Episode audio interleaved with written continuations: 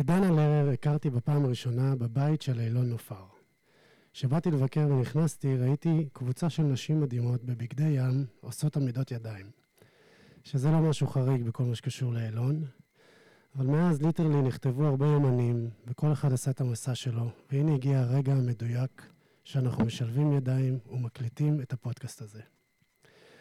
דנה היא מביימת, כותבת, מלמדת תסריטאות ומנחת סדנאות כתיבה, שהכל במטרה לאפשר לאנשים ביטוי עצמי, יצירתיות, חיבור לעצמם ולספר את הסיפור שלהם. דנה היא היזמת של סדנת הכתיבה הנביאה. הנביאה היא סדנת כתיבה אחרת, סדנה שכל אחד ואחת צריכים לעבור. ללא קשר בניסיון כתיבה או ללא ניסיון כתיבה. אחרי הסדנה הזאת, כל אחד ואחת ידע שאם יש לו או לה עט ודף, הם אף פעם לא לבד. בסדנה דנה לא מלמדת איך לכתוב נכון או יפה, אין פידבקים של תורידי את הפסקה הזו, או עדיף לכתוב את זה ככה, ובכלל, אין כתיבת דמויות, הדמות המרכזית היא אתם והסיפור שלכם. אז מה כן מקבלים בסדנה? כלים שילמדו אתכם להשתמש בכתיבה ככלי לריפוי והתפתחות אישית. זו קבוצה אינטימית שמאפשרת פתיחות, כנות ותחושת ביטחון. כלים לשחרור מחסומים וביקורת, תרגילי כתיבה שעוקפים את המודע ומאפשרים לנו להבין את עצמנו וללמוד על עצמנו דברים חדשים. אני ממש נהניתי. הייתי פה כזה ואני כזה... כן, נכון? נכון. אמ, תראה, אנחנו הולכים לדבר על נושא שהוא מאוד מאוד קרוב לליבי, אוקיי. ובאמת אחד המקומות שעזרו לי במסע שלי ובאמת ברגעים, אני חושב, הכי קשים שהיו לי אה, בתוך המסע הזה. אה, וזה משהו שאני ארצה לדבר עליו. אה, אני רוצה להתחיל איתך דווקא באיזשהו ספר, שדרכו התחלתי את ה... זה, את, את יודעת כבר איזה ספר? לא. אה, דרכו של אני לא האמן. אה, מדהים, ברור. רגע, קודם כל אני רוצה להגיד שאני לא יודעת כלום. נכון. שממש כזה, עודד שלח לי הודעה, ואמר לי, בואי לפודקאסט, ואני מתה על עודד, אז אה. אמרתי, "אני- ואני אוהבת לדבר. אז אמרתי, יאללה, ברור. ועכשיו, ל- לפני שהתחלנו, אז אמרתי לך, רגע, בוא שנייה זה, ואתה אמרת לי, לא, לא, אני הכנתי שאלות, אצלי הכל מוכן, ואני כזה, אוקיי. אז אני רק רוצה להגיד לך שאני פה בשחרור אה, שליטה מוחלט, ובאמון מלא. אה, ויאללה. כן, אז אני, קודם כל, נכון, זה בדיוק מה שהיה. ואני חושב שזה גם אחד הדברים היפים בהקלטות האלה. אה, זו פעם ראשונה שאנחנו יושבים ומדברים ממש, כאילו, נכון. כן, אנחנו כזה מכירים, אבל אף פעם לא ישבנו לדבר. אה, אז אה, כן, לא, אני בטוח שהולך להיות מעניין מאוד. בלי ציפיות. בלי ציפיות. אה, אז אני בעצם הכרתי את הכתיבה ממקום שכאילו עשה לי שכל עם הדבר הזה, זה דרך הספר הזה. אה, דרכו של האומן, נכון? זה השם? של ג'וליה קמרון. נכון. ששם בעצם היא אומרת אה, לכתוב כל יום אה, שלושה עמודים. אני יכול להגיד לך, אבל שהתחלתי את הכתיבה לפני, כאילו זה היה טבעי לי לגמרי, שזה יהיה מעניין לדבר על זה, אבל אני רוצה כזה לשמוע ממך מה, איפה פגשת את הספר הזה ספציפית, ו... ואיך הוא נכנס לתוך העולם הזה. האמת היא, אני לא זוכרת איפה פגשתי את הספר הזה בפעם הראשונה, יש לי אותו בבית, Mm. והוא כזה פשוט שם, אני כאילו אפילו לא זוכרת מתי קניתי אותו ולמה, באמת שאין לי מושג. אמ, ואני כן זוכרת שהיה את העניין של הכתיבת אה, אמ, שלושה עמודים, כן. אמ, אבל אז בעצם בלימודי ביבליותרפיה, שלמדתי באוניברסיטת בר אילן, המנחה המהממת שקוראים לה אפרת, אמ, היא בעצם אמרה, נתנה מין פתאום הנחיה של בואו נקרא גם את מה שכתבנו, כי בעצם, וואו, וואו, רגע, שנייה, בדיוק, כי הרי ג'וליה קמרון אומרת לכתוב את השלושה דפי גול ולזרוק, לא להסתכל עליהם, ממש. לזרוק. ובעצם למה? יש פה דברים שיצאו מאיתנו, Mm, ודווקא, אני, עכשיו אני כל הזמן אומרת, לכ, אה, לכתוב בלי לחשוב. Mm. לכתוב בלי לחשוב, זה כל הזמן מזכיר לי את השיר הזה של אה, דנה ברגר, נכון? לישון בלי לחלום, נכון, נכון. לפחד בלי לגעת. אני יודע, לכתוב בלי לחשוב. למה? כי אני מרגישה שהמכשול הכי גדול שלנו, הרבה פעמים, זה, ה... זה המחשבה. זה שברגע שאנחנו מנסים, אתה יודע, לחשוב איך זה יצא טוב, איך זה יצא נכון, ורגע, מה אני באמת רוצה לכתוב? איך... אז מתחילה לפעול המחשבה, וכשמתחילה המחשבה מגיע, מגיעים גם המון, אה, מגיעות גם המון מחשבות ביקורתיות, מהמם. והופ, כל המטרה מתפספסת, של מהמם. בעצם, בגלל זה היא גם אומרת שלושה עמודים בלי להפסיק, היא בעצם פשוט לכתוב ולפרוק הכל בלי לחשוב. נכון. אבל רגע, בואו נקרא את זה ונגלה, מסתתרות שם תובנות. עכשיו, וואו. יכול להיות שגם לא. יכול להיות שיהיו הרבה פעמים שאתה תכתוב ככה, ויש שם רק אה, איזה פורקן רגשי שהיית צריך להוציא, ואין לך מה לעשות עם זה, וסבבה. אבל יכול להיות שבתוך כל הבליל הזה, אתה פתאום תגלה איזה משפט אחד, שאתה כזה, וואו, אוקיי, אני רוצה לקחת את המשפט הזה איתי, או Mm. וואו, אני חושב ככה, אני רוצה להטמיע את זה. מהמם. אמ, אז זה, אז זה ככה תוספה לג'וליה קמרון וה, וההצעה שלה.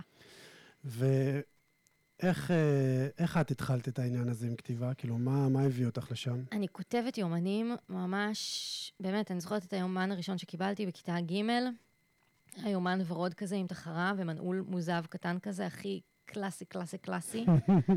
ויש לי אותו עדיין, את היומן הזה. Yeah. ואני כותבת שם, אתה יודע, אני כותבת נגיד, אה, היום הייתה לנו מישהי שקוראים לה אתי, שהיא הייתה, אימא שלי עבדה, ומישהי הייתה מגיעה להכין לנו כזה ארוחת צהריים, לי ולאחיות הגדולות שלי, אין על אתי. קלאסי. אתי. אתי כפרה עליה. וזה מצחיק, כי באותו יום היא הכינה שישליק, ככה קראתי לזה. ואני כזה כותבת ביומן, היום אתי הכינה שישליק, אני לא אהבתי את השישליק ולא רציתי לאכול אותו. ואני. כותבת שכאילו, טלי ורון, האחיות שלי, לא האמינו לי, שאני כאילו לא אוהבת. אבל אה, אימא שלי האמינה לי, ואני לא... אני לא אוהבת את ה... שהיא מכינה את זה, אני רוצה לאכול שניצל, אני לא יודעת מה כתבתי שם. אבל כן. היה שם איזה פורקן כן. של, של רגש, של תסכול, של אכזבה מזה שהאחיות שלי לא האמינו לי, של למה הכינו לי משהו שאני לא רוצה לאכול, לא משנה, פשוט פורקן של רגשות. מהמם. אה, והתחלתי לכתוב כמעט ב... אני לא רוצה להגיד כפייתיות, כי אני חושבת שזה דבר נורא טוב, וכפייתיות מתקשר לי לדבר שלילי, אבל נכון. אה, בעקביות. התחלתי לכתוב ממש בעקביות. יש לי, כל שנה הייתי. היה לי איזה חמיש... חמש, שש מחברות, יומנים, והייתי כותבת שירים וסיפורים, אבל בעיקר פורקת, פורקת מה עובר עליי, מה אני מרגישה, ומספרת הכל, הכל, הכל, הכל, הכל. אתה יודע, את, Mm. את הסודות הכי כמוסים, את המחשבות הכי אפלות. אמ, וכש- ואף פעם לא חשבתי, זאת אומרת, אני במאית ותסריטאית, והלכתי ללמוד קולנוע, ותמיד חשבתי ש... אוקיי, הכתיבה היא תמיד הייתה כלי עבורי. אה, אוקיי, אז היה את היומנים, ועכשיו אני כותבת כתיבה מקצועית, תסריטים, ובתסריטים שלי הם תמיד היו כזה אוטוביוגרפיים, אני לא כל כך טובה ב... להמציא סיפורים, אני תמיד צריכה לכתוב כזה ממה שבוער בי. אמ, אבל אז אמ, מה שקרה זה שהייתה קורונה, וכל החברות הפקה שעבדתי בהן, וכל הפרויקטים שכזה עמדו לקרות, הכל כזה קרס. ואמרתי, יואו, בא לי לעשות עוד משהו, אני רוצה ללכת ללמוד עוד משהו, מה אני אעשה, מה אני אעשה, והלכתי ללמוד, כאילו, בדקתי מלא דברים, ופתאום קרץ לי הביבליותרפיה הזה. אני אפילו לא יודעת בדיוק למה, זה לא איזה משהו שתמיד היה איתי או משהו כזה. את, אה, אני רוצה הסבר למה זה. מה? מה? מה זה הביבליותרפיה? זה בעצם אה, טיפול, תרפיה, דרך אה, טקסטים ספרותיים ודרך כתיבה. כמו שיש לך פסיכודרמה, שזה דרך כלים Mm. משחקיים, ויש לך טיפול בתנועה, טיפול במוזיקה, וידאו-תרפיה. אז זה דרך המילה הכתובה. Yeah. אה, ולא יודעת למה הלכתי ללמוד את זה, באמת. יש דברים שהם כאלה, משהו קורה לנו, ואנחנו כזה צריכים to follow. ואחרי המפגש הראשון גם אמרתי למנחה שאני לא רוצה להמשיך, שכאילו, מה זה קשור? אני במאית ואני תסריטאית, ומה זה קשור? היא אמרה לי, תשמעי, כבר שילמת וזה, וזה כאילו לימודים ארוכים, אז ת, ת, ת, ת, לפחות בואי גם למפגש השני, תראי מה קורה. ובמפגש השני אמרתי, אוקיי, יש פה משהו, זה כלי חזק. אה, אז אם, גם אם אני לא אעשה עם זה כלום אחר כך, זה יהיה בשביל עצמי. מדהים. ובסוף הלימודים זה היה כזה, אני רוצה לעשות סדנאות כתיבה. זה. ותוך חודש היו לי סדנאות כתיבה. כאילו, זה היה התהליך הכי מהיר שאי פעם משהו קרה לי.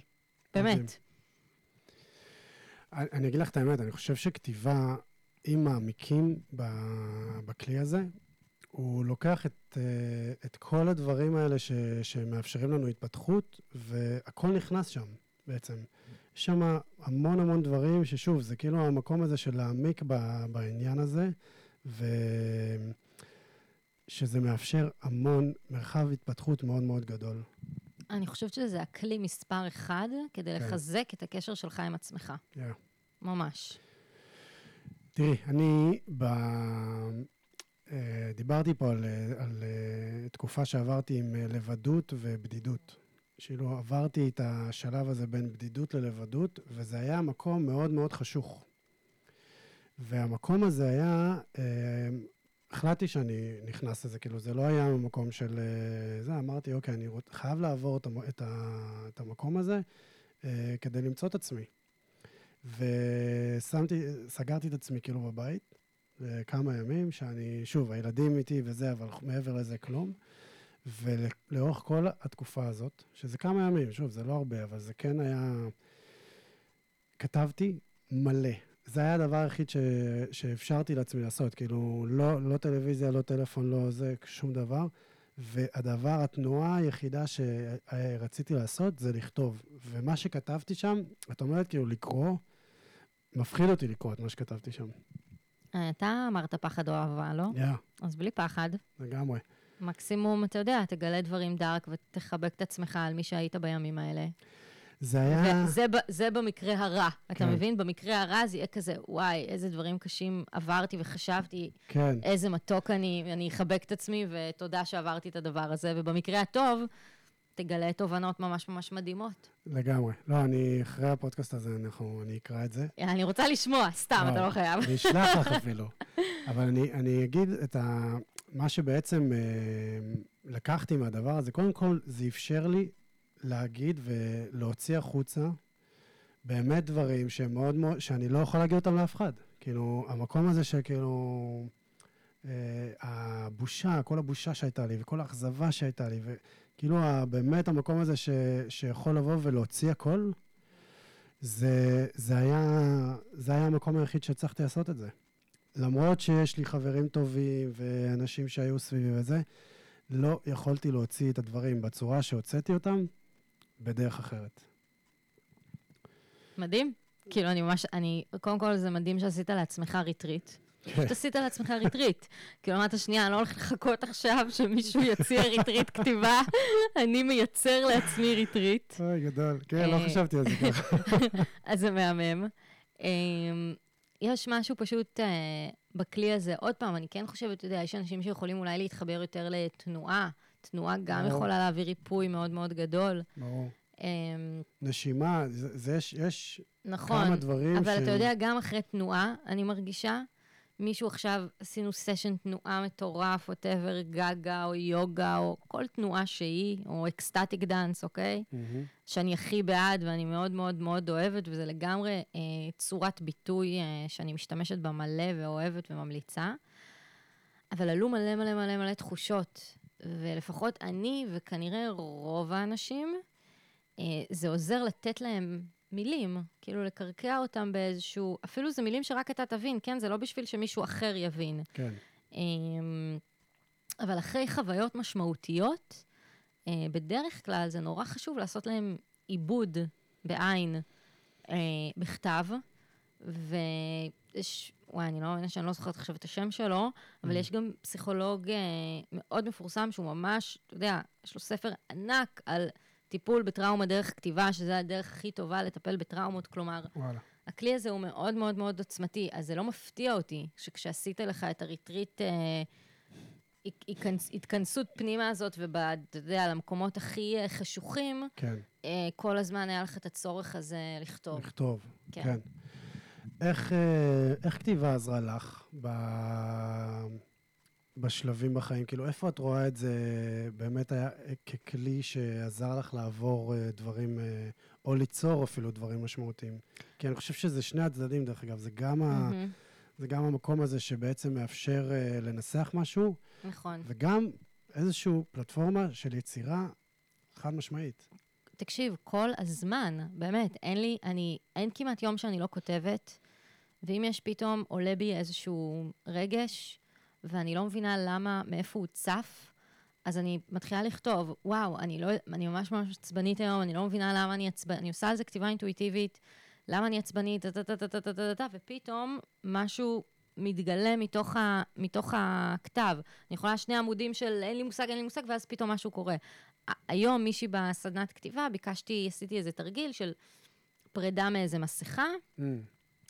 ואז uh, היא התחילה לכתוב, היא השתמשה בכתיבה האינטואיטיבית, והיא ממש כזה, כל העמוד הראשון היא כזה...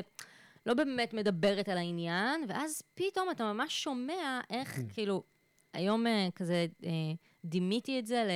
כמו זרמים, ממש הנביעה הזאת שמבעבעת כזה מתחת, ל, מתחת לקרקע, ואז פתאום פאק, כזה hmm. פורצת, אתה יודע, פורצת כזה מ, מ, מתוך האדמה, והיא פתאום אמרה, אה, מסכת uh, גיבורת hmm. העל, שאני חייבת תמיד להיות חזקה, טה-טה-טה-טה-טה.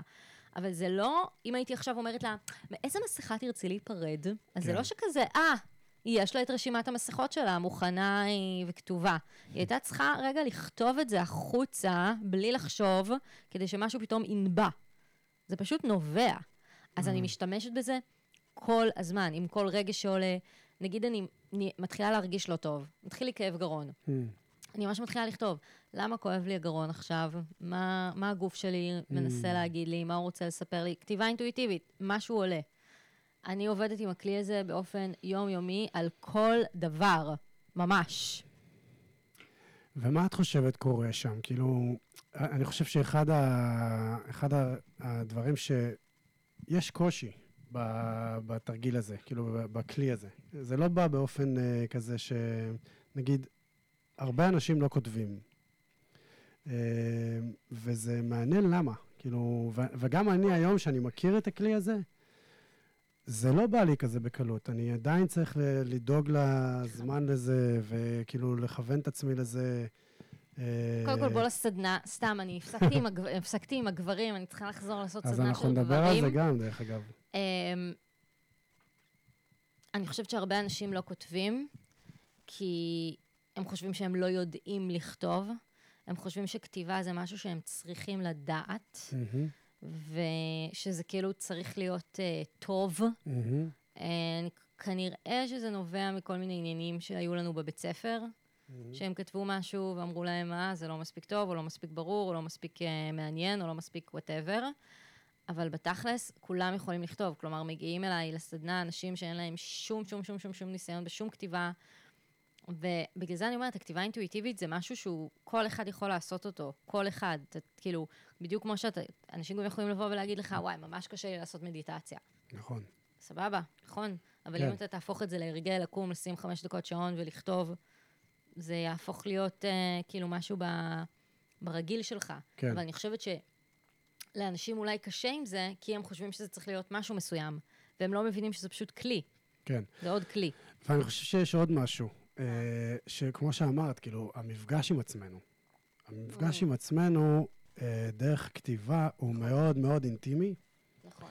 וחשוף. נכון. וכאילו, אנחנו... אני חושב שזה... צריכה להיות איזושהי דרגה של אהבה עצמית. נכון. אה, כדי שזה שזה יוכל לבוא ו, ובאמת לאפשר לעצמנו להיכנס לעולם הזה. נכון, זה, תראה, כל מפגש עם עצמנו, יש אנשים שלא רוצים ללכת לטיפול. נכון? ויש אנשים שלא רוצים לשבת במדיטציה, mm-hmm. ויש אנשים שלא רוצים ללכת לכל מיני סדנאות, וחושבים שהכל בולשיט, mm-hmm. והם מפחדים. Yeah. כאילו, הם פשוט מפחדים, כי המפגש הזה עם עצמנו הוא מלא בוש... בושה, mm-hmm. והוא מלא בפחדים, ואף אחד לא רוצה להסתכל מה יש במרתף. לגמרי. אתה מבין? למה? לא, מפחיד שם. אתה יודע, גם בבית. אתה רואה בית... זה בקומה העליונה, הכל מואר, חלונות פתוחים, ואז אתה פותח דלת למרתף חשוך, שהמדרגות yeah. ככה יורדות למטה. הדיפולט שלנו זה to stay away. מדהים. אבל אם אתה נכנס למרתף ומתחיל לרדת המדרגות, ואז אתה גם מדליק שם את האור, אתה יכול פתאום לגלות חלל מטורף שאתה יכול להפוך אותו לסטודיו מדהים. Yeah. לעשות שם כאילו, אתה יודע, דברים מדהימים. אני, אני ממש הייתי שמחה אם יותר אנשים היה להם אומץ, אתה יודע, לרדת למרתף ו, ו, ולראות מה, מה יש שם. לגמרי. וזה גם ממש אנלוגיה מעניינת. כאילו, הכתיבה כ... כמרתף של ה... זה רק בגלל שהכתיבה פשוט מתחברת לתת-מודע. והתת-מודע, בהרבה, הרבה אנשים אה, מתארים את זה, את התת-מודע כהמקום החשוך, Yeah. נכון? הוא לא, הוא, לא ב, הוא לא במודע, הוא לא בפרונט, כן, הוא כזה במאחורה. כן. והכתיבה מתחברת לתת-מודע. הכתיבה זה כלי שהוא מחובר לתת-מודע.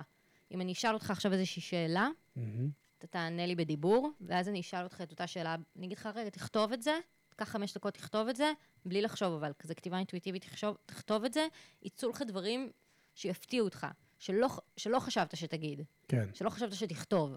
כן. אז בעצם אה, הכתיבה, את אומרת שזה, ש, שוב, בגלל המקומות האלה שהם מאוד אינטימיים, מאוד חשופים, מאוד... אה, באמת התקשורת הזאת בינינו לבין עצמנו, שהיא לא מדוברת. גם אנחנו לא, אין, כמו שאמרתי לך בחוויה שלי, לא, מילולית לא יכולתי להוציא את זה. יכולתי להוציא את זה רק דרך זה. אמ, אז זו בעצם הסיבה שהרבה אנשים לא כותבים. כן, אני חושבת שזה שני דברים. הפחד לפגוש את עצמנו אה, ולהתעמת עם כל מה ש... להתעמת, נראה לי באלף. כאילו, לפגוש את האמת, שיכולה Hmm. להיות אה, גם כואבת. אה, והסיבה השנייה זה שהם חושבים שהם לא יודעים לכתוב. Yeah. כאילו שזה יוצא רע. כאילו יש להם המון ביקורת על איך הם כותבים. כן. כן. אז איך את עוזרת להם? אז באמת המפגש הראשון בנביאה זה איך לשחרר אה, מחסומים וביקורת. שאני לא אוכל לתת את הכל עכשיו פה, אבל זה, זה. ממש, המפגש הראשון זה איך אנחנו משחררים את, ה, את הביקורת. הביקורת היא המכשול הכי הכי הכי גדול הכי שלנו. גדול להכל, להכל. להכל. אבל נגיד אה, עוד צעד אחד לפני, כי כאילו את כבר מדברת על הרגע שהם הגיעו. לא מצליחה למצוא לי. היא פה זזה... פה זזה. כן, הנה, אני אבוא קצת לכאן. אה, את מדברת בעצם על, אה, על כבר על רגע שהם החליטו שהן באות. אני מדבר על ה... לפני, נגיד, על השיחות האלה הראשונות, שכאילו, אני לא כותבת טוב, או אני לא... מבינה? כאילו, איך, אה, איך מביאים אותם למקום הזה שהן עושות את הצעד הזה? תראה, אי אפשר להביא בן אדם לשום מקום. באמת, כאילו, בן אדם רק יכול לרצות לבוא. כן. אמ, ומתוך מתוך הבנה שהכלי הזה יכול לתרום לו, והוא צריך לקפוץ למים, אין ספק. אבל אני יכולה להגיד לך שעכשיו הגיעה מישהי לסדנה, היא מלא מלא מלא פחדים ומלא מלא חרדות, אבל היא ממש רצתה לעשות אה, עבודה. אז היא באה, לא משנה מה אני הייתי אומרת לה, זה לא... כאילו, כמובן, אני אמרתי לה שאני מבטיחה לה מרחב מוגן ובטוח, ו... מה שכיף זה שבאמת היו כבר כל כך הרבה סדנאות, אני פותחת עכשיו את המחזור אה, 28 או 29, אז כבר איזה יותר מ-100 נשים ואנשים עברו את הסדנאות וכולי, אז אני כבר כזה יכולה להגיד, אני מבטיחה לך שיקרה כן. משהו טוב, אני כן. מבטיחה לך שזה, ואת לא, אם מה שלא תרצי להקריא, את לא חייבת להקריא, וכאילו, כמובן שאני נותנת את הרגשה הכי בטוחה. והיה מדהים שכשהיא הגיעה, באמת במפגש הראשון היה הרבה התנגדויות והרבה קושי, אבל, אה, אבל אחרי השבוע הראשון היא ממש אמרה שהיא ראתה איך ה... אה, נתתי להם ממש תרגיל של כל יום כתיבה אינטואיטיבית, כל יום, כל יום, כל יום, ולא משנה איזה תרגיל שאני עושה עם זה.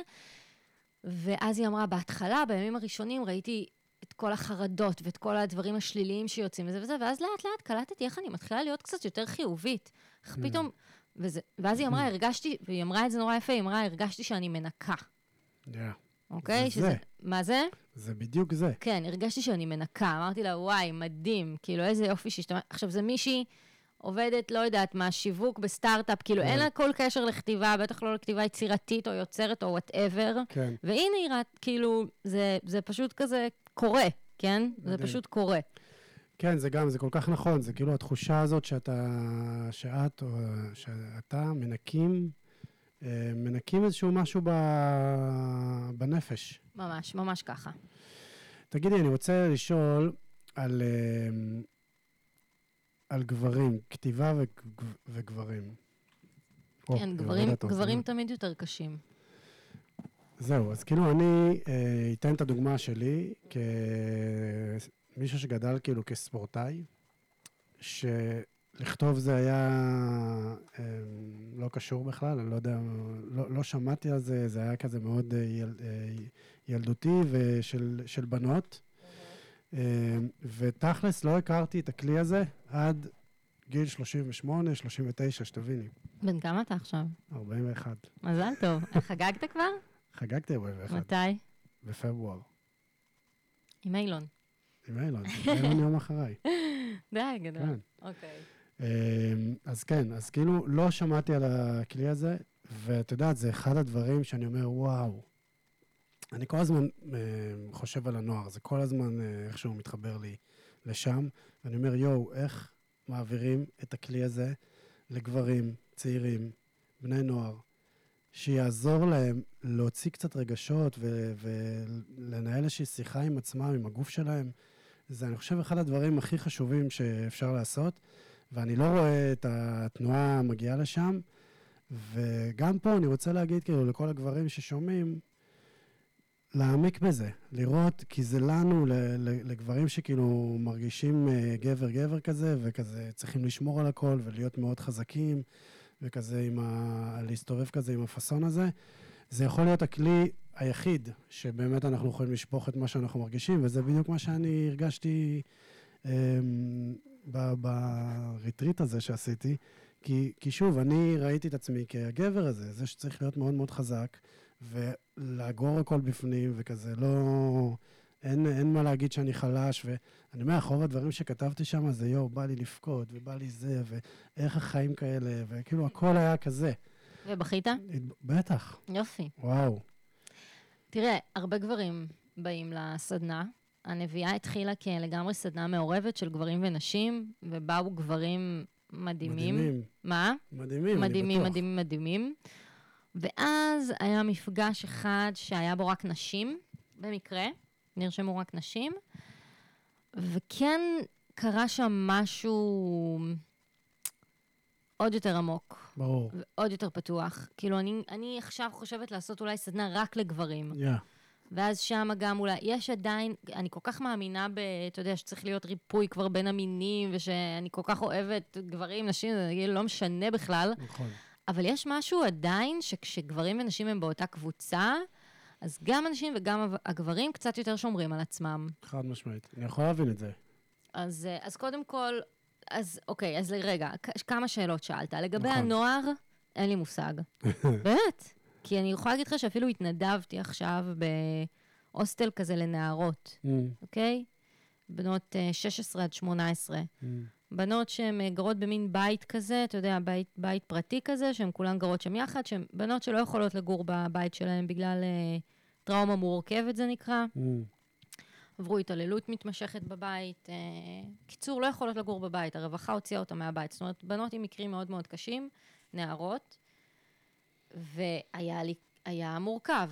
כלומר, הן היו מאוד אה, ציניות. וואלה. כן, והם היו, כאילו, זה לא היה כזה כמו הבנות שבאות לסדנה והן כזה, אתה יודע, רק רוצות, הם, לקח לי זמן להגיע ללב שלהם, Mm, ובסוף יצאו דברים מדהימים. בסוף כאילו יצאו דברים מהממים מהממים, אבל הייתה, אבל היו ש... אחת או שתי בנות שיצאו, אמרו, טוב, די, אין לי כוח לשטויות האלה, וזה, והלכו.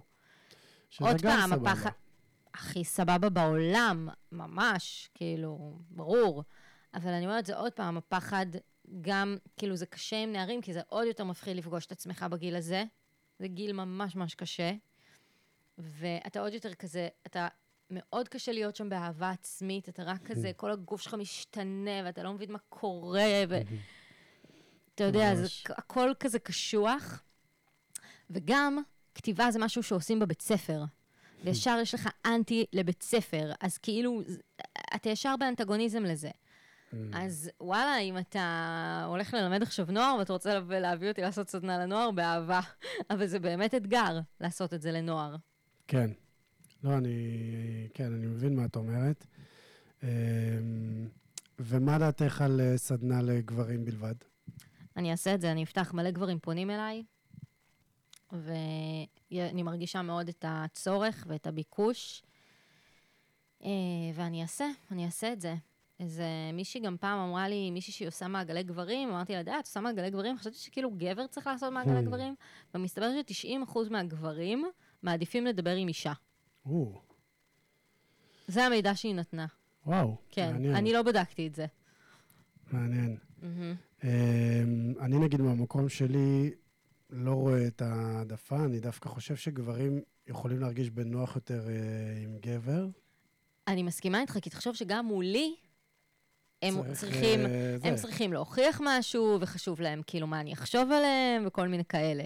שאולי עם גבר זה, זה פחות, כי נכון. אחי, אתה מבין נכון. אותי ואני מבין אותך, ואנחנו כאילו מורכבים אה, מאותו החומר, ואני, כאילו באמת, אני לא חושבת שגברים ונשים שווים. אני חושבת שאנחנו ממש ממש, אה, כאילו, אנחנו שווים בזכויות, אנחנו צריכים לקבל אותו, אותה, אותו שכר, אבל אנחנו מאוד שונים. נכון. התפיסה שלנו, והגוף שלנו, וכאילו, איך שאנחנו חושבים, ו... לא יודעת, אנחנו שונים. ואת חושבת שגברים אה, יכולים להתחבר לזה? לגבר שהוא פוגש את זה בפעם הראשונה. את חושבת שזה משהו שאפשר לאפשר לו פתיחות ויראה יחסית? כולם, כן. בעיקר, אני, אוקיי, אני עושה גם הרבה סדנאות לכזה חברות הייטק Mm. וארגונים, ובאים לשם, אתה יודע, בכל החברות הייטק זה מלא אנשים שהם כזה אנשי מחשבים, ואנשים סופר סופר סופר אנליטיים, אמ, ואני עושה להם את הכתיבה האינטואיטיבית, ומלא באים אליי אחר כך ואומרים לי, וואי, תקשיבי, את לא מבינה מה יצא לי. ומשתפים, ויוצאים מהם דברים מדהימים, זה ממש עובד על כולם, זה נורא, זה ממש גם כזה מרגש לראות את זה. כן. תקשיבי, זה באמת אחד הדברים אה, הכי חזקים שאני, שלי יצא אה, לעבוד איתם. אה, ויש לי עוד כמה שאלות אלייך.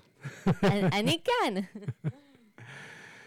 אני רוצה אה, לדעת איך, אה, עם איזה עוד כלים את משתמשת, שעוזרים לך ב...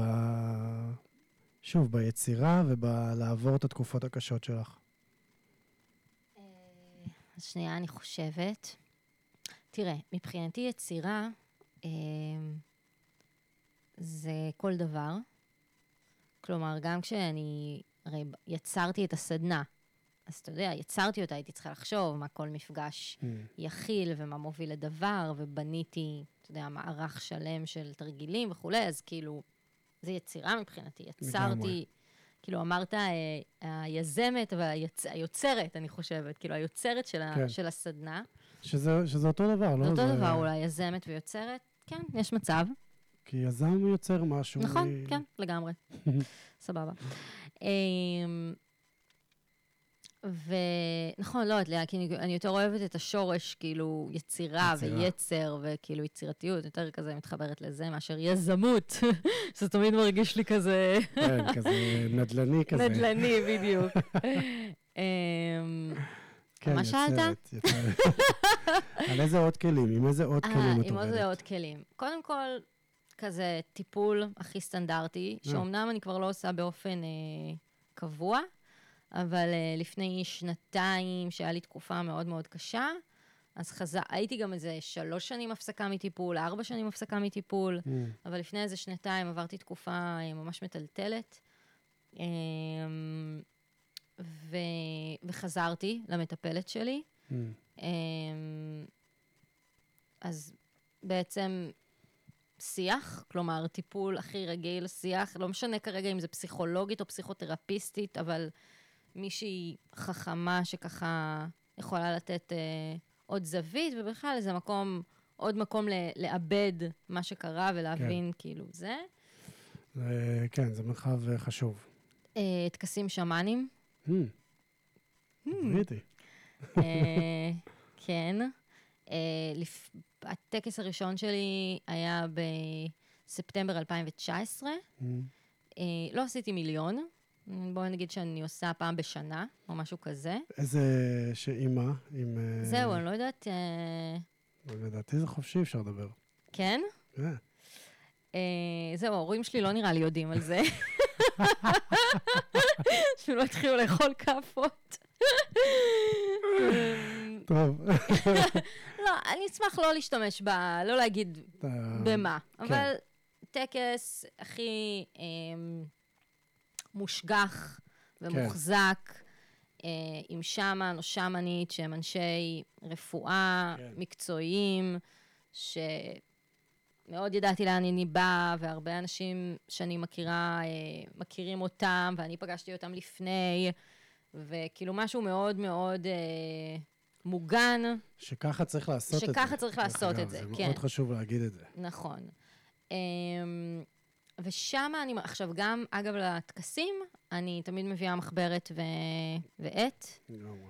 אמ, כדי לכתוב, כי, זאת אומרת, צפות כל כך הרבה תובנות.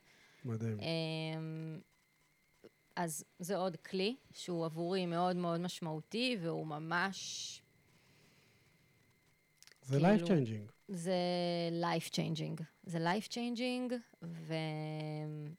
וזה, אתה יודע, דאונלואודים של כל כך הרבה דברים.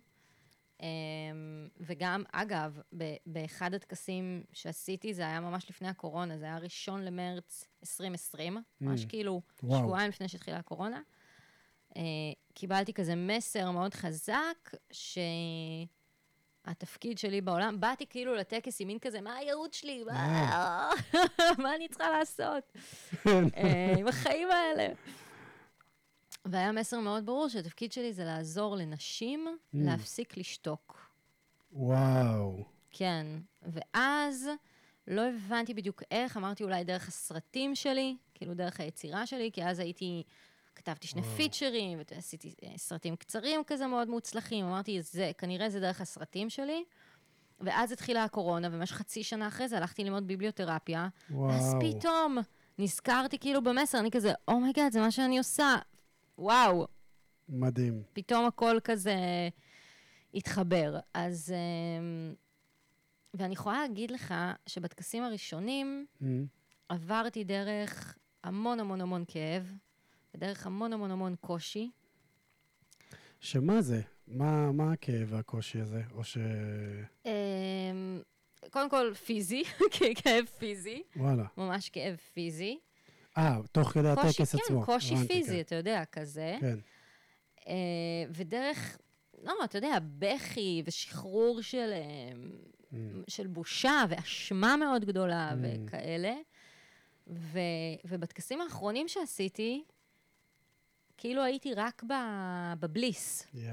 הייתי כאילו רק באושר, כאילו כל הזמן, כל הזמן כאילו כמו ש... שמ... שאני אומרת שמעתי, זה כאילו איזה קולות פנימיים שלי, או, אומרים לי ש... סיימתי עם הכאב. עכשיו, ברור שיש כל. הזמן, ברור, אני כזה אומרת גם לעצמי, ברור שעוד יקרו מלא דברים וזה, אבל כזה מין, אמרו לי, די, את, סבבה, עבר דרך הכאב, יאללה, תמשיכי, כאילו, תמשיכי בדרך, בהנאה, בשמחה.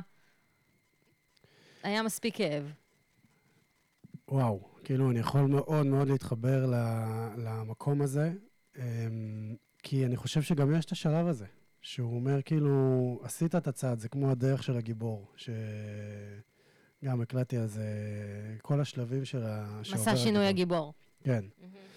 אמ, ואז יש כזה, ששוב, יש לי גם התנגדות לדבר הזה, אבל באיזשהו מקום יש את הרגע הזה שהגיבור נכנס למערה, עבר את החושך, נכון. נלחם עם הדרקונים, נכון, התגבר עליהם, נכון. עבר לאור, הוא עכשיו ב- בתנועה של אה, להוציא את, ה, את מה, שהוא, אה, מה שהוא קיבל, ו... ואז ברור שהחיים הם החיים ו- ודברים קורים וזה, אבל יש איזשהו מקום כזה אחר. ההתמודדות עם הדברים האלה היא, היא קצת שונה. עם מה יש לך התנגדות? אמרת, יש לי התנגדות לזה. יש לי התנגדות עם הגיבור, וזה, זה גם העלית את זה עם אחת ה... אה, עם מה שסיפרת על, ה... על אחת שמשתתפת בסדנה שלך. אני מאוד התחברתי לגיבור, וזה משהו שגם, שוב, אני חושב שהמון גברים מתחברים לזה, ואני חושב שגם המון נשים. המסכה של הגיבור. כן, הדמות הזאת, שהיא עוברת דברים קשים, ו... שורדת. שורדת, ומתגברת עליהם, ואסור לה להישבר, ואסור כן, לה להתפרק, ואסור לה לבכות. ולא רק זה, היא גם כאילו פורחת ב... ברגעים האלה, היא כאילו מתעלה על עצמה. זה בעצם העניין. ואז פתאום הבנתי שאוקיי, אתה אוהב את הדמות הזאת, אבל אתה גם מושך לעצמך כל הזמן את הסיטואציות האלה שאתה צריך לצאת גיבור. אז כאילו, זה, זה כל הזמן... תן לי דוגמה לסיטואציה כזאת, שמשכת אל עצמך. זה כל החיים שלי ככה אה, עברו, כאילו, כל ה... גם בקריירה שלי ככדורסלן, אז תמיד הייתי מתחיל עונה לא טוב. הכל היה נגדי, לא הייתי משחק, לא זה, לא זה, מהמקום הנמוך, תמיד הייתי מצליח להתרומם בסוף העונה, ואז כזה עושה, מסיים את העונה טוב, ואז עונה אחרי זה אותו דבר. כאילו זה לא היה שהייתי ממשיך את העלייה הזאת. כל הזמן הייתי צריך... כאילו ואז... כמו לשים לעצמך מכשולים כדי להתגבר עליהם, בול. כדי להראות לעצמך שאתה גיבור. בול. ובחיים האישיים שלי, שוב, זה גם, זה הולך על אותו, על אותו, על אותו תסריט. אתה בזוגיות עכשיו? לא. אני התגרשתי לפני שלוש שנים. אני לפני ארבע וחצי. כן. אה, אני קראתי. אה, אני יודע עלייך דברים. אמ, אז, אה, אז כאילו גם הגירושים שלי זה גם היה סוג של תסריט כזה, כאילו הכל היה, וכל מה שעברתי אחרי זה, הכל היה כזה הגיבור הזה, ש, שקודם כל צריך להכין לעצמו תסריט של אה, קושי, כדי שהוא יוכל להתגבר, ואז להגיד אני גיבור. ובאיזשהו שלב, ברגע שהבנתי שאנחנו יוצרים את הכל, אז אמרתי, אוקיי, אז, אז בעצם אני יוצר לעצמי את המצב הזה, אז אמרתי, לא רוצה להיות גיבור. עזבו אותי להיות גיבור, תנו לי להיות, אה, כאילו, ללכת ו- ולפרוח כל הזמן, ולהיות תמיד ב- בהתרחבות הטבעית הזאת. היי, hey, אתה גיבור, גיבור גדול. האמת שזה מדהים מה שאתה אומר. אני גם, האמת באיזה טקס שעשיתי לפני כמה חודשים, אישה מדהימה, מדהימה, מדהימה. אה, המסר הכי חזק שעלה זה שאפשר גם ברכות. Mm. אפשר גם ברכות. אתה לא חייב כאילו לקבל... אה, כאפות. כאפות של החיים, ואתה לא חייב כאילו אתה יודע, אה, תמיד היה לי איזה אה, תפיסה או אמונה שכאילו אה, בשביל לצמוח, בשביל לגדול, כן. צריך... כן, צריך כן. את הכאב, צריך את הכאפה, צריך את הטלטלה, צריך את המשבר. צריך את המשבר כדי לצמוח. ומלא לא. אנשים חושבים את זה. נכון, אבל לא. אפשר לעבור תהליכים סופר משמעותיים ברכות, בחמלה, באהבה, ממש לא חייבים טלטלה כדי, uh, כדי לצמוח. או לפחות, אם הגעת למקום מסוים, אתה כבר לא צריך את הטלטלות. כן. את המשברים, ה, אתה יודע, אתה... אני מאוד מזדהה איתך, שכאילו הרבה, הרבה, הרבה שנים יצרתי, יצרתי דרמות כדי לצאת מהם, או כדי כן. להיות באיזה מצב רגשי שאני אתגבר עליו, אני כאילו מאוד מזדהה עם זה. וואו, זה, אבל אני, שוב, אני חושב שזה משהו שהוא, שהמון אנשים חווים אותו. כי יש איזה סיפור, וזה, וזה עוד משהו שמתקשר לכתיבה. יש, אנחנו מוקפים בסיפורים, הרי, נכון? זה גם בטוח כאילו מה ש, שמדובר כן, כן, עליו. יש מפגש ב, בסדנה שהוא לגמרי על סיפורים. על סיפור. ואתה גם שם לב שכל הסיפורים הם אותו סיפור. כל הסיפורים הם אותו סיפור. נכון. כל הסיפורים הם אותו נרטיב. בדיוק, כן. בדיוק, זהו.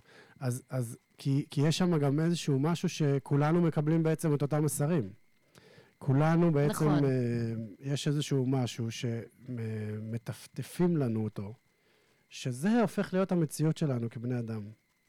ואנחנו חייבים, אני חושב שבני אדם בעצם חייבים שיהיה סביבם איזשהו סיפור, בגלל זה אנחנו כל הזמן מחפשים משהו כזה להצדיק את התנועה שלנו. והסיפור עם הגיבור זה סיפור ש, שככה קיבלנו אותו מכל מיני סרטים, מכל מיני זה, וזה הפך להיות כאילו, זה הגיבור. אני כאילו באיזשהו מקום אומר, לא, אני רוצה גיבור אחר. אני עדיין רוצה להישאר גיבור, אבל גיבור כזה שכל הזמן... אה... אני חושבת שכולנו גיבורים.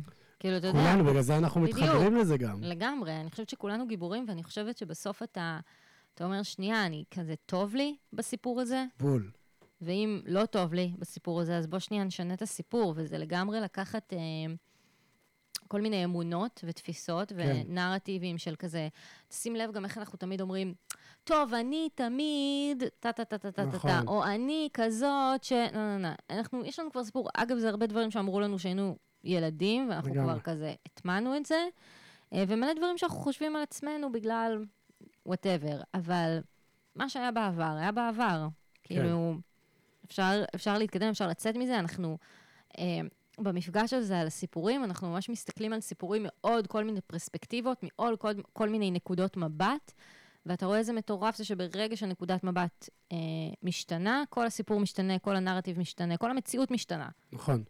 ואני חושב שזה גם עוד אחד מהדברים שקרו לי תוך כדי כתיבה, שהמקום הזה, ובגלל זה זה היה מקום מאוד מאוד חשוך, כי באיזשהו מקום, כשאני הבנתי שהכל, שהכל סיפור, שהכל, הדתות זה סיפור, והדרך להצלחה זה סיפור, ומה זה הצלחה זה סיפור, והכל הכל זה סיפור, אז היה לי רגע ממש שחור שכאילו, אוקיי, אז מה, אז מה קורה? כאילו, עם מה, עם מה אני, עם מה אני ממשיך הלאה? ואני חושב שפה בעצם יש את המקום שהוא מאפשר יצירה של סיפור חדש. נכון, ממש. אתה יודע, אני זוכרת ששמעתי איזה פודקאסט, ומישהי שם אמרה, הצלחה מה הצלחה, ואז היא אמרה, ואז היא אמרה, כן, אני מצליחה. איך את יודעת שאת מצליחה? יש אה, תור לחנות שלי, אז אני מצליחה. Yeah. אה, ואז אמרתי, יואו, כן, אני גם רוצה שיהיה תור לסדנאות שלי, ואז אני אדע שאני מצליחה. ואז היה תור לסד... לסדנה באמת. כן. אני כזה, כן, לא, אבל הסדנת בוקר עוד לא מלאה. אה, טוב, הנה, גם הסדנת בוקר. אבל רגע, אני צריכה גם שהשתי סדנאות הבאות יהיו מלאה. כאילו, זה, זה משהו נרדף. שהוא... אתה יודע, זה, זה משהו שהוא never ending. או אני רואה, אה, אתה יודע, אה, אינסטגרם, סבבה? אה, כזה, אני עכשיו, בא לי, בא לי Mm. כזה שנתיים, אני עושה את הסדנאות, וכל הזמן אמרתי, מה, אני אתן תרגילי כתיבה באינסטגרם, ואז, אבל רגע, כאילו, לא ידעתי איך ל... כזה כמו, כן. אם לש, לשמור על התוכן, לא כן, לשמור על התוכן, כן, זה דברים כן. שאני נותנת בסדנאות, אז אם אני אתן את זה כאילו בחינם, איך יבואו, לא יבואו. אמרתי, יאללה, תשחררי, כאילו, יס. תני מתנות, חלקי מתנות, בא- באהבה. מדהים. ו- ואני עובדת בזה, אתה יודע, אני כל יום חושבת על איזה תוכן אני מביאה, ומה יכול לעזור לאנשים, ומה הם יכולים לקבל, ובאמת אני מקבלת תגובות מדהימות, זה כאילו הכי כיף בעולם, ממש אנשים באים ואומרים לי, וואי, תקשיבי, עשיתי את התרגיל הזה מדהים. וגם אתה כתבת לי, ואיזה כיף. ו- וזה כזה עם, אה, לא יודעת מה, יש לי אלפיים ומשהו אה, עוקבים ועוקבות. ואני כן. רואה שגם בנות עם 50 אלף עוקבים, וגם בנות עם 100 אלף, כל הזמן עובדות על תוכן, אז בסוף, אתה מבין מה אני אומרת? ברור. כאילו, בסוף, המדד הזה למשהו הוא גם סיפור. סיפור שכולנו, כולנו, כולנו, כולנו מספרות, ובסוף, בסוף, לדעתי, זה איך אתה רוצה לחיות. איך אתה. רוצה לחיות? איך אתה רוצה לקום בבוקר, איך אתה רוצה להרגיש, ממה אתה רוצה שהיום-יום שלך יהיה מורכב, ואם בזה אתה אומר, וואו, אני חי כמו שאני רוצה לחיות, זה מבחינתי הצלחה. מדהים. אני אגיד לך מה, אני, בתחושה שלי, היה לי המון המון אה, קושי עם הגדרת הצלחה אחרי שהתגרשתי, כי, כי אחרי הגירושים עברתי תקופה, שוב, שאיבדתי את כל התארים שלי, כזה, אני כבר לא שחקן כדורסל, לא רק שאני כבר לא שחקן כדורסל, את אף אחד זה לא מעניין שהייתי שחקן כדורסל. זה היה ככה, זה היה כאילו, אתה פתאום מגיע למקום שאתה מסתכל ליציע וצועקים את השם שלך, ל... אני הגעתי ל... ל... לרגע שאני נוסע למלצר. זה היה בעצם ה... ממש לא... פער. כן.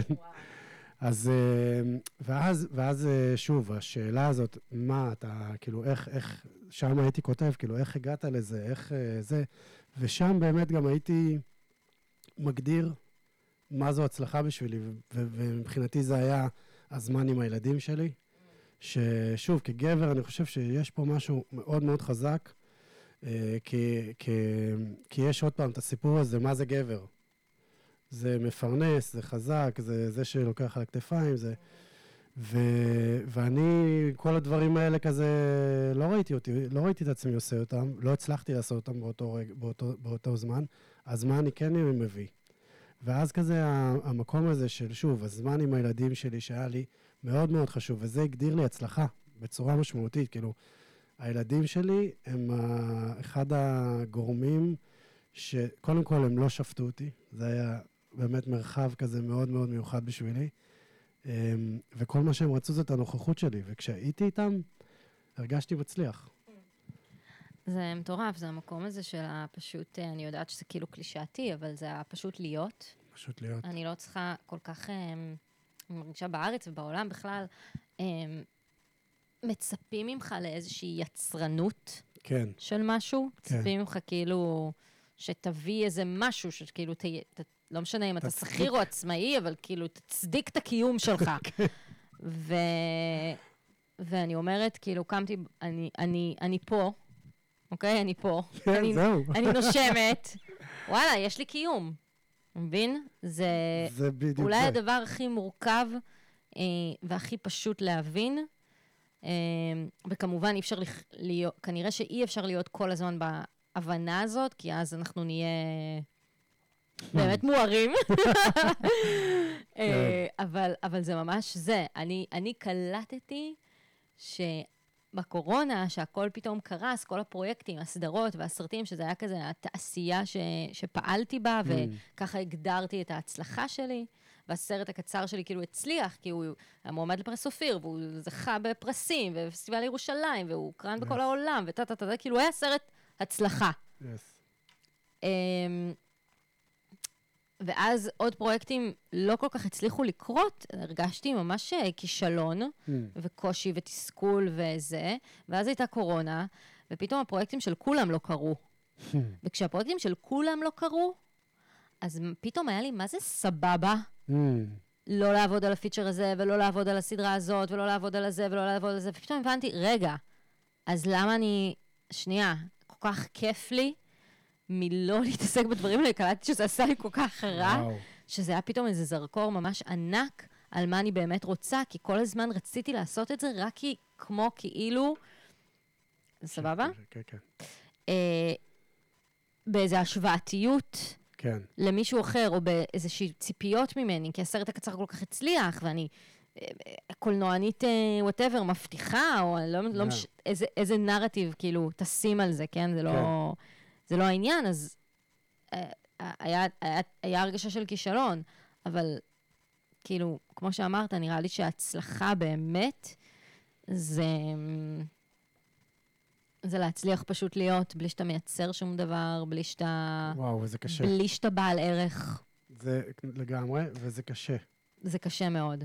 ואני רוצה להגיד גם עוד משהו. עכשיו קראתי ספר אה, שממש אהבתי, של מאיה ארד, אה. קנאת סופרות. Mm. ויש שם איזו גיבורה שהיא כזה סופרת כאילו מצליחה, שפרסמה, והיא מועמדת בפרס אה, ספיר, whatever. אבל היא כל הזמן ממורמרת, והיא כל הזמן, לכל מקום שהיא הולכת, היא כזה, קראו את הספרים שלי, לא קראו את הספרים שלי. וכל mm. הזמן כזה אמרתי, יואו, איזה באסה, איזה באסה, איזה באסה להיות בן אדם שכל הזמן מתעסק כן. בכזה, קראו אותי, לא קראו אותי, ראו אותי, לא ראו אותי, אוהבים אותי, לא אוהבים אותי, כאילו, כן. שנייה... שזה בדיוק המקום הזה שמחפש כל הזמן להצדיק את עצמו. את יודעת, כאילו, אנחנו אומרים את זה, וזה באמת נשמע מדהים, ו- ושוב, אני חושב שזה כן, אמ, כן שווה לעשות את התהליך הזה, גם אם זה נראה עכשיו מאוד מאוד רחוק מאיתנו, שווה לעשות את התהליך של uh, פשוט להיות, ו- ולא לנסות להצדיק את עצמנו בשום צורה. אני חושב שזה לא אומר, וזה גם, אנשים מפחדים כזה, ש, שזה אומר כאילו, אוקיי, אז מה, נשב ולא נעשה כלום? לא. הפוך. אני עושה הכי הרבה שעשיתי, אני באמת, אני עובדת הכי קשה שעבדתי בשנתיים הכי האחרונות. הרבה. הכי הרבה, לא קשה. הכי הרבה, כי אני, אני באמת נורא נהנית. ועדיין כן. אני מצליחה, כאילו, אה, זה עובדתית, זה קרה שאני בשנה האחרונה עבדתי הרבה, טיילתי הכי הרבה, זאת אומרת, נחתי הכי הרבה, טיילתי הכי הרבה, חוויתי הכי הרבה. אני האימא הכי טובה שהייתי, ואני הבת זוג הכי טובה שהייתי. יאה. אוקיי? אז כזה, ועכשיו אני שומעת את זה, ואני כזה, רגע, רגע, יואו, חמסה, חמסה, חמסה, חמסה, אימא'לה. אבל... אה, לא, אבל זה זה. אבל זה זה, והכל טוב, וגם בסדר, החיים ארוכים, יקרו עוד מלא דברים, אבל כן, אני יודעת שכבר יש לי הרבה כלים. כן. אה, להתמודד עם הרבה דברים. אה, וזהו, ואני, ואני, ואני אומרת, אני חושבת שהגעתי למצב הזה, כי כן אפשרתי לעצמי אה, גם רק להיות, אוקיי? זה אחד. ושתיים, כן לשחרר, לא לוותר, לא mm. לא להתייאש, mm. אבל לוותר על סיפורים, אה, או נקרא לזה סיפורים, נרטיבים, רעיונות, אה, שכבר לא משרתים אותי, ושאני מבינה שמה שאני בעיקר אוהבת בהם זה הטייטל, mm. ולא המהות שלהם. כמו מה? כמו הקולנוענית המבטיחה של השנה, שבסוף אני חמש-שש כותבת, חמש-שש שנים כותבת פיצ'רים שלא מגיעים להפקה, לא מגיעים לצילומים, ואני כבר, אין לי, לא בא לי יותר לכתוב אותם, ולא בא לי. אתה מבין? הרצון שלי לא שם, המהות כן. כבר לא שם. אני רוצה, בסוף למה אני כותבת את הסרטים האלה? כי אני רוצה שזה ייגע באנשים, כי אני רוצה לגעת באנשים. Mm. וזה לא קרה, אבל פתאום יצרתי את הסדנאות הנביאה, שכבר נגעו במאות אנשים, אז אני אומרת, אוקיי, יש, אתה יודע, יש ויש. כן. אמ, רגע, רציתי כאילו, באמת קשה לי לתת טיפ על איך להיות. כי אני כל כך בן אדם שבעשייה מתמדת. כן. אני חושב שזה... המקום הזה, שוב, שעוברים אה, את השלב של להשיל את המסכות מעלינו, וכזה, קודם כל מביאים את עצמנו, כאילו, אנחנו מגלים את עצמנו, אני חושב ששם יש איזשהו רגע שאומר, אוקיי, כאילו, אני מביא את עצמי, זהו, זה מי שאני. ושם יש באמת משהו, אבל מאוד, אה, אני כל הזמן מדבר על זה, אבל אה, יש שם המון חושך, כי כאילו, נגיד אם במקום שלי, אז כמו שאמרת, יש... יש לי את זה, רגע, יש לי את זה. Yeah, do it. אוקיי, okay, כשאני אומרת פשוט להיות, הכוונה היא לא, לכו לים, תשכבו כל היום בים, וזה פשוט להיות, אוקיי? Okay? כשאני אומרת פשוט להיות, um, זה להיות בנוכחות, אוקיי? כלומר, גם אם אני עכשיו מעבירה סדה, או גם אם עכשיו באתי לפודקאסט, או גם אם עכשיו אני משחקת עם הבן שלי, או גם אם עכשיו אני בשיחה עם, ה... עם חברה טובה, או עם הבן זוג שלי וכולי, להיות בנוכחות מלאה ברגע, לא לחשוב על העבר, לא לחשוב על העתיד, לא להיות עם, ה... עם, ה... עם, ה... עם המוח, עם האגו, Mm. אוקיי? זה לשחרר אגו. ולשחרר סבל, כלומר, להיות מאוד uh, אמיתיים, אם נגיד אני עובדת עכשיו בעבודה, ש...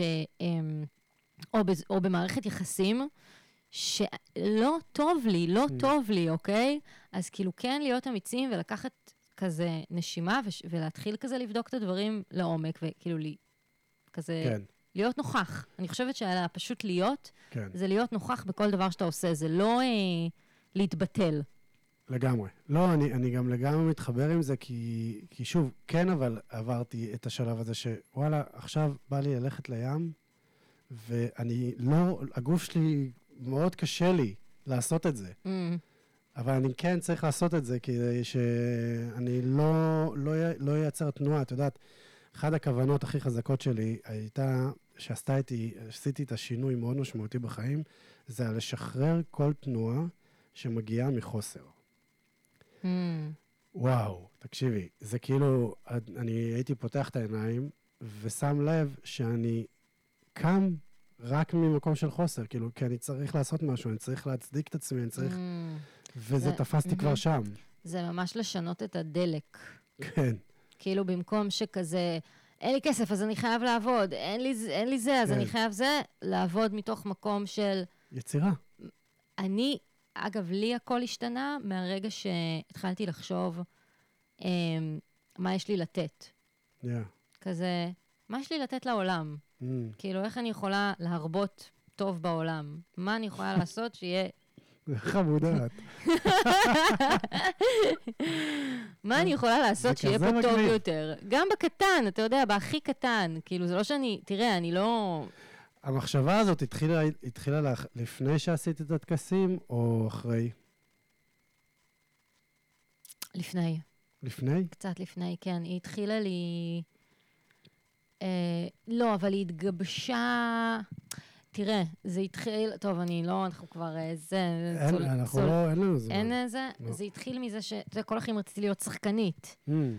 ואני כשחקנית לפחות הבנתי באיזה גיל 30, שזה כזה, וואי, אני לא רוצה בכלל להיות שחקנית, אני רק רציתי להיות שחקנית כי כל כך רציתי שיראו אותי, וכל כך רציתי כן. שכזה יאהבו אותי וזה, אבל אני לא רוצה את זה יותר, אני לא נהנית מהקראפט של זה. כן. וכשזה נפל לי, שם כבר התחיל קצת להשתנות, רגע, זה, אני כבר לא... מה קורה עולם, תראה אותי, תיתן לי מחיאות כפיים, Mm. תיקח, תקבל אותי לאודישנים וכאלה, זה היה מה אני יכולה לתת לעולם, והבנתי שאני יכולה לתת לעולם יצירה, והתחלתי לעשות סרטים, ועשיתי את uh, גבולות, ש- שזה הסרט הקצר שאמרתי שכזה מאוד הצליח. Um, זה היה הסרט הראשון. כן, זה היה סרט גמר שלי. זה היה כאילו הסרט גמר של לימודי. קולנוע, והוא מאוד הצליח. אה, נעמי לבו ורועי מילר ונועה Mm. ברקאי ושחקנים מהממים, ובאמת יצא ממש ממש טוב, כי אני אפילו לא יודעת למה. כאילו, Hmm. תמיד כשסרט יוצא טוב זה כזה איזה נס לא ברור. ואז זה היה עוד פעם טייטל, אה, עשיתי סרט קצר מוצלח, אז אני פילמייקר, אז זהו, אני כבר לא שחקנית, אני עכשיו במאית. אה. ואז אתה מתחיל להצדיק את הקיום שלך, כן, שלך, כבמאית. כן. ו... שם כבר התחיל המקום הזה של מה יש לי לתת, כי אני לא רק צריכה שיקבלו אותי לדברים, אני צריכה ליצור. אני צריכה ליצור סרטים, אני צריכה ליצור תסריטים, אני כבר, שם כבר התחילה המהות. כן. אמ, אבל כן, אני חושבת שכשהתגרשתי, והרגשתי ש... אתה יודע, פירקתי את הבית שלי, Mm, ופגעתי באדם שאני הכי אוהבת בעולם הזה, והוא הכי חשוב לי בעולם הזה, mm, וכל כך פגעתי בו, הרגשתי אה, בן אדם כל כך נוראי, mm. וכל כך אה, דפוק, וכאילו, מה ניס... כאילו, מה, what the, f- מה, כאילו, לא וואו. האמנתי איך, איך עשיתי את זה, שבגלל זה התחלתי ללכת לטקסים, כי נורא Mm. רציתי לקבל תשובות של איך אני, שאני כאילו תופסת מעצמי בן אדם טוב, אז איך כאילו ככה פגעתי במישהו, ועוד בן אדם שאני אוהבת, כזה, Mm. מה קרה שם? אמ, ושם, התשובות הגדולות היו, עוד פעם, כאילו זה מצחיק, אתה יודע, תמיד הקלישאות, ברגע שכזה מבינים אותם, אז זה אמת כל כך גדולה כשהיא בגוף שלך. מדהים. אה, ושם הגיעו תובנות מאוד מאוד גדולות של בעיקר כזה אהבה לעצמי, רכות לעצמי, שבסוף, אתה יודע, שאתה בחוסר כנות כלפי מישהו שאתה אוהב, אתה בחוסר כנות כלפי עצמך, ואתה פוגע בעצמך, Mm, והרבה הרבה הרס עצמי שנבע מאשמה ובושה ו, וכאלה. אז שמה, אז עם הטקסים התחיל מסע מאוד מאוד עמוק של אהבה, יא. של אהבה. וכמה שאתה, וזה, הכל הולך ביחד, כמה שאתה יותר באהבה, ככה אתה יכול לתת יותר אהבה, ככה אתה נותן את המתנות שלך יותר בקלות. כמה שאתה, זה מטורף, כמה שאתה יותר קשוב לעצמך, ועושה את מה שאת ואתה, כאילו, את מה שאת רוצה לעשות, ככה את יכולה יותר לתת לאחרים. ואנשים לא מבינים את זה, אנשים הרי כל הזמן בריצוי. אני רוצה לרצות את האחר, אני רוצה לעשות... לא, אם אתה תעשה מה ש... אם אתה באמת... אבל מתוך מקום, לא לדרוך על מישהו אחר. ברור. אם אתה באמת תהיה קשוב לעצמך, מי שמולך ירוויח. חד משמעית. וואו. בום! בום. drop the mic. Um, לגמרי זה... אני יכול להגיד שהחיבור שלי לטקסים, הוא הגיע גם. אנחנו... מה שאת מספרת הוא מאוד מאוד... uh, כאילו, הסיפור שלנו, יש בו הרבה קווי דמיון. uh, גם בתחושה הזאת שהייתה בגירושים, שחוויתי אותה גם, uh, וגם ב... ב אצלי זה, זה הטקסים וגם הנשימה. נשימה, בגלל זה נשימה כל כך חזקה אצלי. כי נשימה זו הפעם הראשונה שהגוף שלי חווה אהבה. אתה מדבר על ריברת'ינג או ריברת'ינג? זה היה הפעם הראשונה שהגוף שלי חווה אהבה, אה, שאני לא ידעתי בכלל מה, מה, מה קורה פה. כאילו, זה היה כזה אה, הוויה מאוד רחוקה, בגלל זה גם פחד או אהבה, זו הייתה הוויה מאוד רחוקה מאיפה שהייתי. אה, ו, וככל שאני מעמיק בתנועה הזאת ובהוויה הזאת, אני רואה לגמרי את מה שאת מתארת עכשיו, שכאילו המלאות יוצרת נתינה טבעית, זה נשפך. זה פשוט, זה, ממש. זה ללא מאמץ. זה קורה באופן טבעי. ואני חושב ששם יש את הסוד הכי גדול. כאילו, אנחנו, אנשים, אה, גם, זה עוד סיפור ש, שבא לי לשבור אותו, שכאילו, אה, good guys או כאילו מסיימים אחרונים. הבחורים הטובים מסיימים אחרונים. ו, ואז זה, זה יוצר עוד, עוד תנועה כזאת של גברים צעירים, שצריכים להיות כזה mother fuckers בשביל להיות גברים.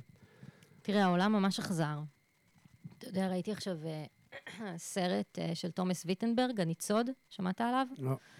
זה סיפור על אה, גנן בגן ילדים, הכי מתוק, בחור הכי חמוד בעולם גם, שעובר גירושים, וגרושתו כזה, ממש כזה רעה אליו, והוא רק רוצה Mm. לראות את הילד. בחור באמת זהב, Mm, שבגלל איזושהי טעות של ילדה שבכלל כועסת על ההורים שלה, כי ההורים שלה מזניחים אותה, היא מאשימה אותו ב... בהטרדה, וואו, בטעות, הכל, אתה יודע, שרשרת של טעויות כזאת, וואו. ואתה רואה דבר נוראי, קורה לבן אדם הכי טוב בעולם, ואני סגרתי את הסרט, לא הייתי מסוגלת לראות, וואלה. הסרט מעולה, אבל לא, יכול, לא יכולתי לראות את זה, כי כאילו... כי אני כזה, לא, לא, לא יכול להיות, לא יכול להיות, כאילו, אם, אם Mm. בן אדם הוא טוב, אז דברים טובים צריך לקרות לו, כאילו, אתה יודע, הייתי במין כזה... כן.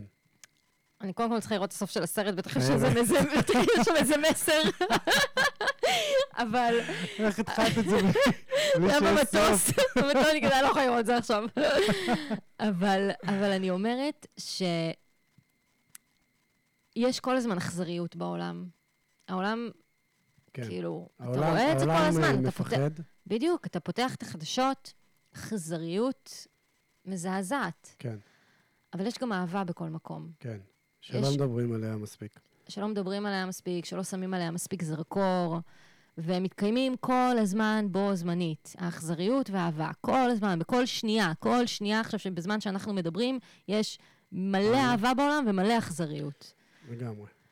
וזה נכון שאולי אני כרגע בוחרת להסתכל רק על המקומות של האהבה, כי, כי א', נראה לי שהמקומות של האכזריות מקבלים מספיק מקום, כן.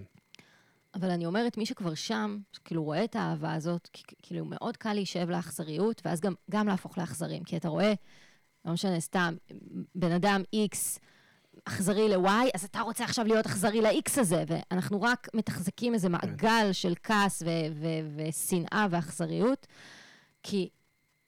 כי נורא קשה לראות עכשיו את X אכזרי ל-Y ולתת אהבה ל-X, זה כאילו כמעט כן. בלתי אפשרי. אני חושב שהמילה, אני הייתי מחליף, כי, כי שוב, אה, בעיניי זה רק אנשים אה, מפוחדים, מפוחדים. ואז בעצם המילה שאת מחליפה אותה, פתאום נכנסת קצת חמלה, כי, כי נכון. אני חושב שהאכזריות מגיעה, היא, היא תוצאה של פחד. ואני חושב שכולם, לא כולם, אבל, אבל הנרטיב שמספרים בעולם שלנו, בעולם המערבי נגיד, מהמם. הוא, הוא פשוט אה, נרטיב של פחד. כאילו, הכל, הם, אה, מטפטפים לנו פה פחד כל הזמן, וזה בגלל זה אני התנתקתי מהחדשות. אני גם, אני לא רואה כלום. לא רואה כלום. כלום. כלום, כי שוב, כי אני... אני, גם אומרת, אם כולם יפסיקו לראות, תחשוב, לא יהיה להם שום שליטה על כלום. חלום, חלום, לא? חלום. אם כולם יפסיקו, כולם, כולם, כולם, תחשוב. כי זה גם, את יודעת מה, זה, זה אפילו יותר מורכב מזה, כי זה גם לא אמת. זה לא רק שזה פחד, זה גם לא אמת.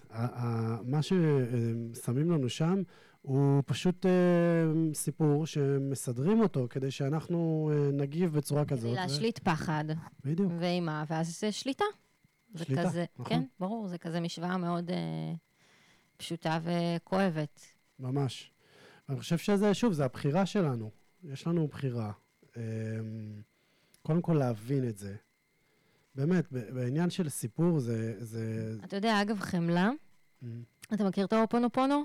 רציתי לדבר איתך על זה, רשום לי. די. בואי נדבר על זה. אז האופונופונו, אז אני אומרת, נורא קשה, כאילו, אתה רואה מישהו, אוקיי, הוא מפחד, סבבה, אבל הוא עכשיו, אה, אתה יודע, רצח אזרח תמים. כן. בסדר? ירה באזרח תמים. חייל שירה באזרח תמים, כי ברור שהוא פחד וברור שיש אה, חמלה וכולי. אז, או לא משנה, עזוב חייל, עזוב אזרח, אני לא אכנס בכלל לדברים האלה. בן אדם X אה, עשה משהו לבן אדם Y. כן. והאופונופונו הכי אומר, לקחת, גם, אתה יודע, הוא עשה את זה עם אה, באיזה בית חולים אה, לחולי נפש, לאנשים שכאילו רצחו ואנסו וזה וזה, והשיטה שלו עובדת רק על אהבה. שהם צריכים להגיד לעצמם, אני אוהב אותך, אני מצטערת, תסלח לי, תודה, אני אוהב אותך, כאילו, Mhm. שהדרך היחידה אה, להתגבר על פחד זה אהבה. אופונופונו, קודם כל זה כלי מטורף אצלי, שתדעי. את לא עובד איתו מאמינה, הרבה? מלא. ו- ואני אומר לך שזה אחד, ה- אחד הדרכים שאני מתחיל כל, אה, כל פעם, כל סשן כתיבה שלי. יפה. את לא מבינה איך אני עובד עם זה. עכשיו, אני אה, טיפה אתן לזה עוד קצת רקע. אופונופונו זה בעצם אה, שיטת ריפוי שמגיעה מהוואי. אה, הסיפור ש, של המטפל, ש... יש לו שם ממש אה, קשוח. כן, נכון. ג'ו הוקלה כאן ההול הומה, משהו כזה. נכון, אה, בלי ג'ו. דוקטור אוקלה הומה.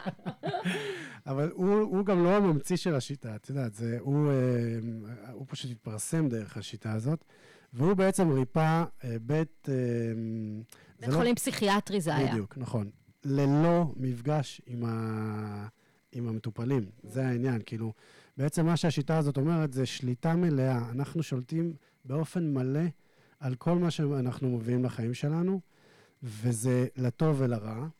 כאילו, זה אחת ההתנגדויות הכי גדולות לשיטה הזאת, זה שהיא אומרת, נגיד, שאם אה, יש גבר שרצח איזה גבר אחר, אז האחריות על הרצח הזה מגיעה בעצם הגבר שנרצח. כן, שמע, זה קשוח. מאוד. זה קשוח ואני מאוד. לא רוצה להכניס פה דברים אה, אחרים שהם ישר מייצרים התנגדות לשיטה הזאת, אבל באיזשהו מקום זה בעצם אומר שאנחנו אה, אחראים על הסיטואציות שאנחנו פוגשים. אז נגיד אני עובד עם זה, נגיד עם כל פעם, אה, עם, עם צמצום, נגיד עבדתי על זה הרבה עם צמצום, והייתי רושם אה, לכל מה שקיים בי, שמושך סיטואציות שנותנות לי הרגשה של צמצום, אני אוהב אותך, אני מצטער, בבקשה תסלח לי, תודה. ואני, יש פעמים שנגיד הייתי רושם רק את ה"אני אוהב אותך" בלי, כי לא היה לי מה לרשום, אז זה מה שהייתי רושם, דף שלם של רק כן, הארבע המשפטים ניקוי האלה. כזה, וגם ניקוי. וואו, זה מייצר ניקוי מטורף, וזה גם אה, מביא אותנו לעבודה, אה, שוב, עם עצמנו. כאילו, אנחנו, הלקיחת אחריות הזאת, היא, זה משהו מאוד אה, קודם כל, היא מוציאה מקורבנות, בול, שזה כבר מדהים. נכון. לקחת שנייה אחריות, להוציא אותנו מהמימד הקורבני, בין אם... אז זהו, אז אני אומרת, זה לא שאנחנו אשמים לא. במה שקרה, אבל אם כבר קרה לנו משהו, בואו שני, בוא שנייה נלמד ממנו, ואולי יש פה איזה שיעור, ואולי אנחנו יכולים לקחת את זה איתנו, ואולי זה המקום שלנו לריפוי, וזה יכול לרפא גם אחרים וכולי. כן, וזה כאילו, השאלה, נגיד, תחילת המשפט הזה שאני אומר, לכל מה שקיים בי שמושך, אז זה גם גורם לי ללכת קצת אחורה ולנסות להבין מה, מה מה בך קיים בי. מושך? כן. בדיוק. מהמם. ואז אני יכול לגלות איזושהי טראומה ש... שמשם בעצם התחלתי לצמצם את עצמי, ושוב להגיד שאני לא צריך הרבה, או איזה משהו מה... מההורים שלי, או כאילו מתחיל כזה ממש לעשות איזושהי עבודה שהיא היא, היא, היא מדהימה ב... ב... בעניין של ריפוי. עכשיו, זה כמו כזה, לעשות כזה ל, אה, בארכיאולוגיה. אתה יודע, לנקות אה, שכבות כאלה של אבק וזה, כדי לגלות את, ה, את המקור. ממש. ו- וכן, אני מסכים איתך שה... קודם כל, ההבנה הזאת שאנחנו לא קורבן של כלום, אז שוב, יש בזה קושי, ומצד שני, זה חופש. אני מאוד מסכימה. אני שמח שאת מסכימה. שמחה שאתה שמח. יופי, אני גם שמח שדיברנו על אופונו פונו, כי רציתי... אה, את, את נגיד אה, משתמשת בזה בסדנאות? אה, האמת שלא, אני לא משתמשת בזה. הייתה תקופה, ב, אני יכולה להגיד לך שבתקופה ההתחלתית, כאילו, אחרי, ממש מיד אחרי הגירושים, הייתי בכזה רע, באמת, לא יכולתי להגיד על עצמי מילה אחת טובה. יואו. כאילו, יכולתי להגיד על עצמי רק דברים רעים. Mm, ו, ואז הלכתי לסדנה אצל אה, גלה קוגן, mm, מהממת, והיא הכירה לי את האופונופונו. mm. אמ, ואז השתמשתי בזה המון, המון, המון, המון, המון. אני כל הזמן זוכרת שאמרתי לה, אבל זה קרה בגללי, ואני אשמה בהכל. והיא אמרה לי כזה, לא. כזה, כאילו, גם הבן זוג שלך צריך לקחת אחריות על זה שהוא משך את זה בדיוק, כאילו, כן, אתה מבין? כאילו, כן. גם הוא לא קורבן, כמו שאת לא קורבנית, ואת נכון, תיכנסי עכשיו. לקורבן של איך עשיתי את זה ואני טה טה טה טה טה. אה, אז בשנה, שנתיים הראשונות אחרי הגירושים, השתמשתי את זה נונסטופ ברמה שזה היה כתוב לי על המראה, באמבטיה, בחדר שינה, כל הזמן זה היה, וכל הזמן מדיטציות של אני אוהבת אותך ואני מצטערת, וסליחה, ותודה, וטה טה טה טה טה. אה, האמת היא שאני פחות משתמשת בזה עכשיו, כן. אבל אה, מדי פעם שעולה בי צורך, אז כן, לגמרי. יכול להיות שפשוט אה, פחות אה, צריכה את זה כרגע, כן. אבל באופן כללי, תמיד שעולה ביקר... עולה בנו ביקורתיות, או שיפוטיות, או דברים רעים להגיד על עצמנו, אז אני תמיד כזה אומרת, אוקיי, שנייה, אם, Mm. אם היית עכשיו כזה, אתה יודע, אימא של עצמך, מה כן. היית אומרת לעצמך עכשיו, נכון? הייתי אומרת לך שאת אוהבת אותך, שבסדר, כאילו, בואי תבקשי ממך סליחה שדיברת על עצמך ככה, כן, ולא נורא שעשית את הטעות הזאת, ואת מצטערת, ותסלחי לעצמך, ותודי לך על כל מה שאת מביאה וכולי. אז כן. אני כן משתמש בזה באופן, אתה יודע, כללי, אבל לא ספציפי. מדהים. אה, אנחנו לקראת סיום. יש לך שאלה אחרונה, סתם. לא. מה הכי מסקרן אותך לשאול אותי? האמת שאני הייתי נכנס איתך עכשיו לשיחה מאוד ארוכה על הגירושים שלך ועל התקופה הזאת, אבל אה, כזה, אנחנו נשמור את זה לפעם הבאה. יא, יופי. אבל אני רוצה שכזה תגידי, קודם כל, אה, מה הצעד הראשון שאת היית ממליצה למי שלא כותב או כותבת, ואיך איך, איך לפתוח את העולם הזה?